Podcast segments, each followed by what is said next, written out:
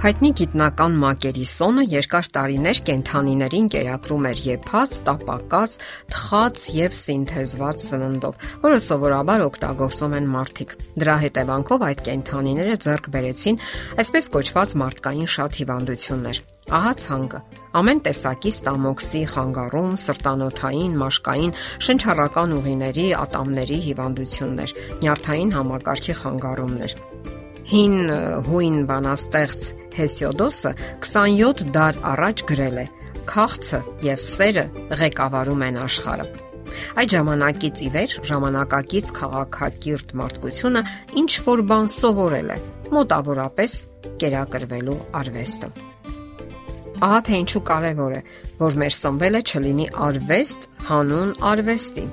Իհարկե, սնունդը պետք է լինի ախորժելի եւ հաճելի, բայց եւ ամենից առաջ կենսաբանական նպատակ եւ անհրաժեշտություն։ Առողջությունն ու երկարակեցությունը հրաշալի են եւ խրախուսելի։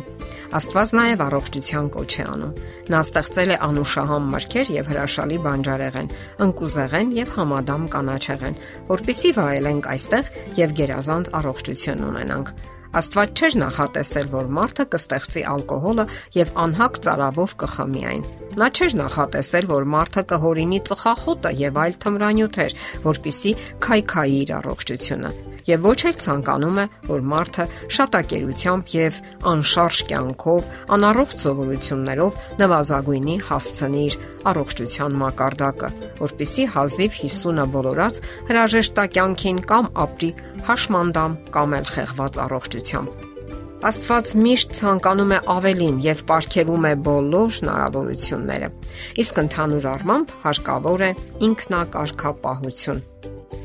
Օգտագործեք հատիկեղեն, բանջարեղեն, միրգ, ընկուզեղեն։ Օգտակար են հատկապես կաղամբի տարբեր տեսակները։ Դրանք կանխում են քաղցկեղը։ Կրճատեք կենթանական ցակման սննդամթերքները։ Ձեզ հետ ոչ մի վատ բան չի պատահի։ Նույնիսկ ընդհակառակը ժամանակի ընթացքում ձեր նոր սննդակարգը ոչ միայն կլինի օգտակար, այլև համեղ։ Իսկ ինչ կարելի ասել ալկոհոլի մասին։ Դուք օգտագործում եք ալկոհոլ։ Եթե այո, ապա ժամանակն է այն թողնելու։ Արեք դա ժամանակին եւ շատ արագ։ Յուրաքանչյուր կորցրած օրը վտանգ է պարունակում իր մեջ։ Վաղն արդեն ուշ կլինի։ Ակադեմիկոս Բախտերևը այսպիսի ցնցող թվեր է ներկայացնում։ Ալկոհոլամոլներից ծնվում են յուրաքանչյուր 100-ից 10 խեղված երեխա, 8 ապուշ, 5 ապագա ալկոհոլամոլ Ուշադրություն դարձրեք նաև այն փաստին, որ 100 ինքնասպանություններից ուղիղ կեսը ալկոհոլամոլներն են։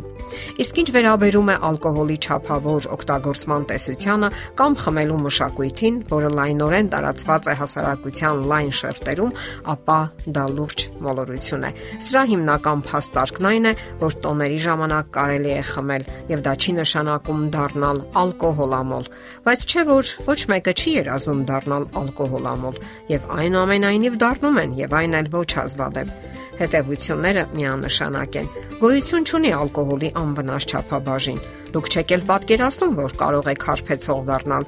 որ դուք քիչ եք խմելու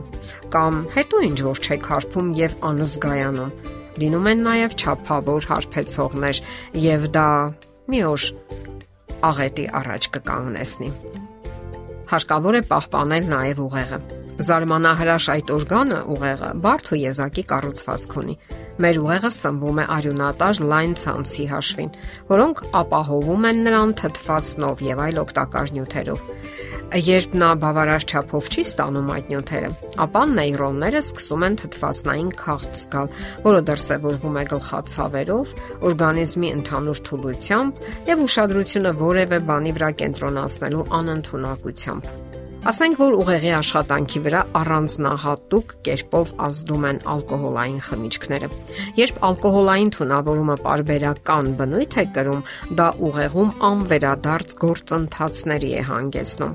Պատկերացրեք, որ մեր նյարդային համակարգը գիշերային մեծ քաղաքի վառվող լույսերն են։ Սպիրտի յուրաքանչյուր ընդունումը մեծացնում է ծանրաբեռնվածությունը ողջ համակարգի վրա։ Բնականաբար, նա շատ արագ հյուծվում է եւ շարքից դուրս է գալիս։ Հազարավոր լամպեր սկսում են այրվել եւ այդ վառվող կղզյակները ավելի ու ավելի քչանում են ոչ մի տեսակի կապեր դրանց մեջ այլևս չի գործում։ Երբ օրինակ նայում ենք հարբեցողի ուղեղին, այնտեղ նկատվում են վառ արտահայտված ֆիզիկական փոփոխություններ։ Ծալքերը դառնում են շատ նուրբ, իսկ կիսագնդերը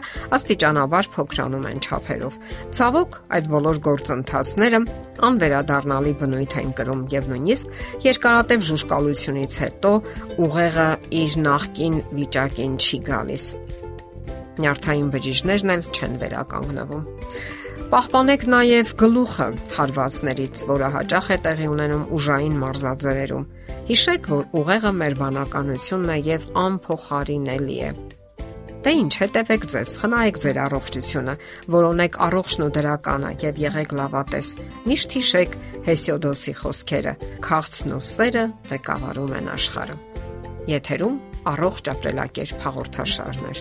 Հարցերի եւ առաջարկությունների համար զանգահարել 033 87 87 87 հեռախոսահամարով։